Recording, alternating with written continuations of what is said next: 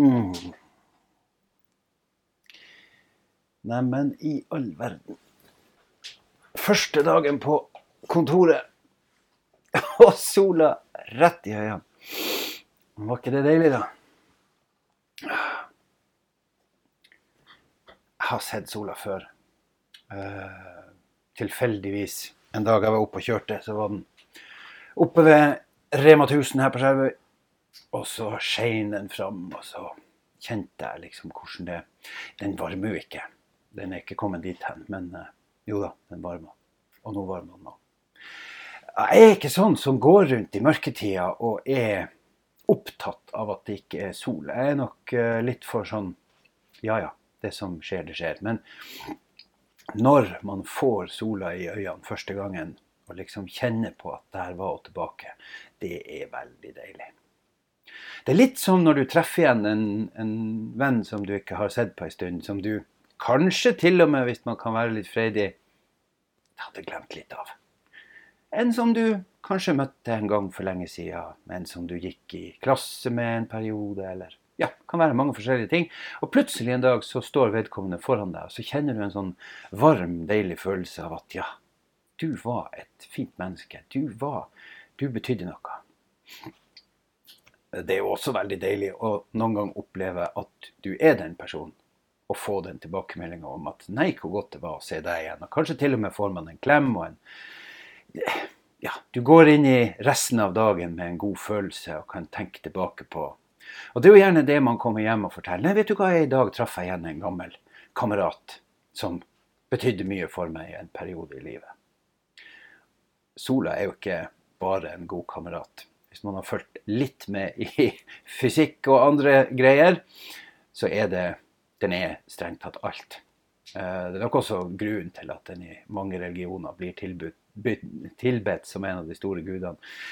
Rett og slett fordi at man har allerede fra dag én forstått at den der kula der oppe, den betyr enormt mye. Den gir liv, men den kan òg være farlig hvis man passer på, hvis man ikke passer seg å smøre seg og alle de her tingene. Men energien fra den later jo til å bli bare viktigere og viktigere. Og det er jo den som er med på å prege det aller meste av det som foregår med klimaet. For uh, har vi et svakere ozonlag osv., så, videre, og så, videre, så er det sola som skaper en varmere temperatur. Fordi vi har sølt litt med klimagasser osv. osv. Det her var ikke meninga å starte en debatt, så for all del, det var ikke derfor. Men poenget mitt er bare at det var så godt å se den igjen, da. Det er litt synd at man ikke kan bli brun i en av vinduene, for da kunne jeg sittet her og jobba og blitt brun samtidig. Nå blir man ikke så veldig brun på denne tida av året, men dere skjønner hva jeg vil.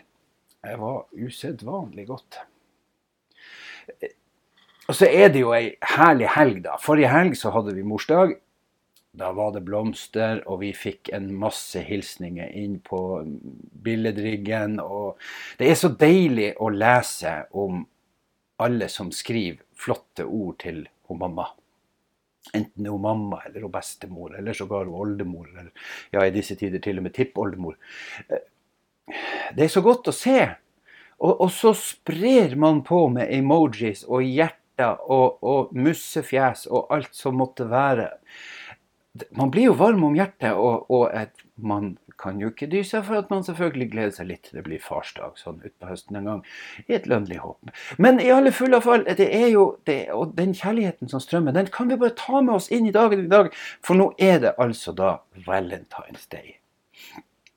Det er jo skjønt med Valentine's Day. Og jeg er jo litt uheldig da, fordi at jeg må dra til Tromsø og, og delta på noen greier der, mens kona mi skal være her. Og Valentine's Day hver for seg er jo ja, Så det blir jo postkort og SMS og, og selvfølgelig en blomsterbukett. Selvfølgelig blir det en blomsterbukett til min sjelselskede. Eh, og, og, det må vi passe på. Vi må strø om oss med gode ord. Og det får bli min lille hilsen inn i denne Valentine's.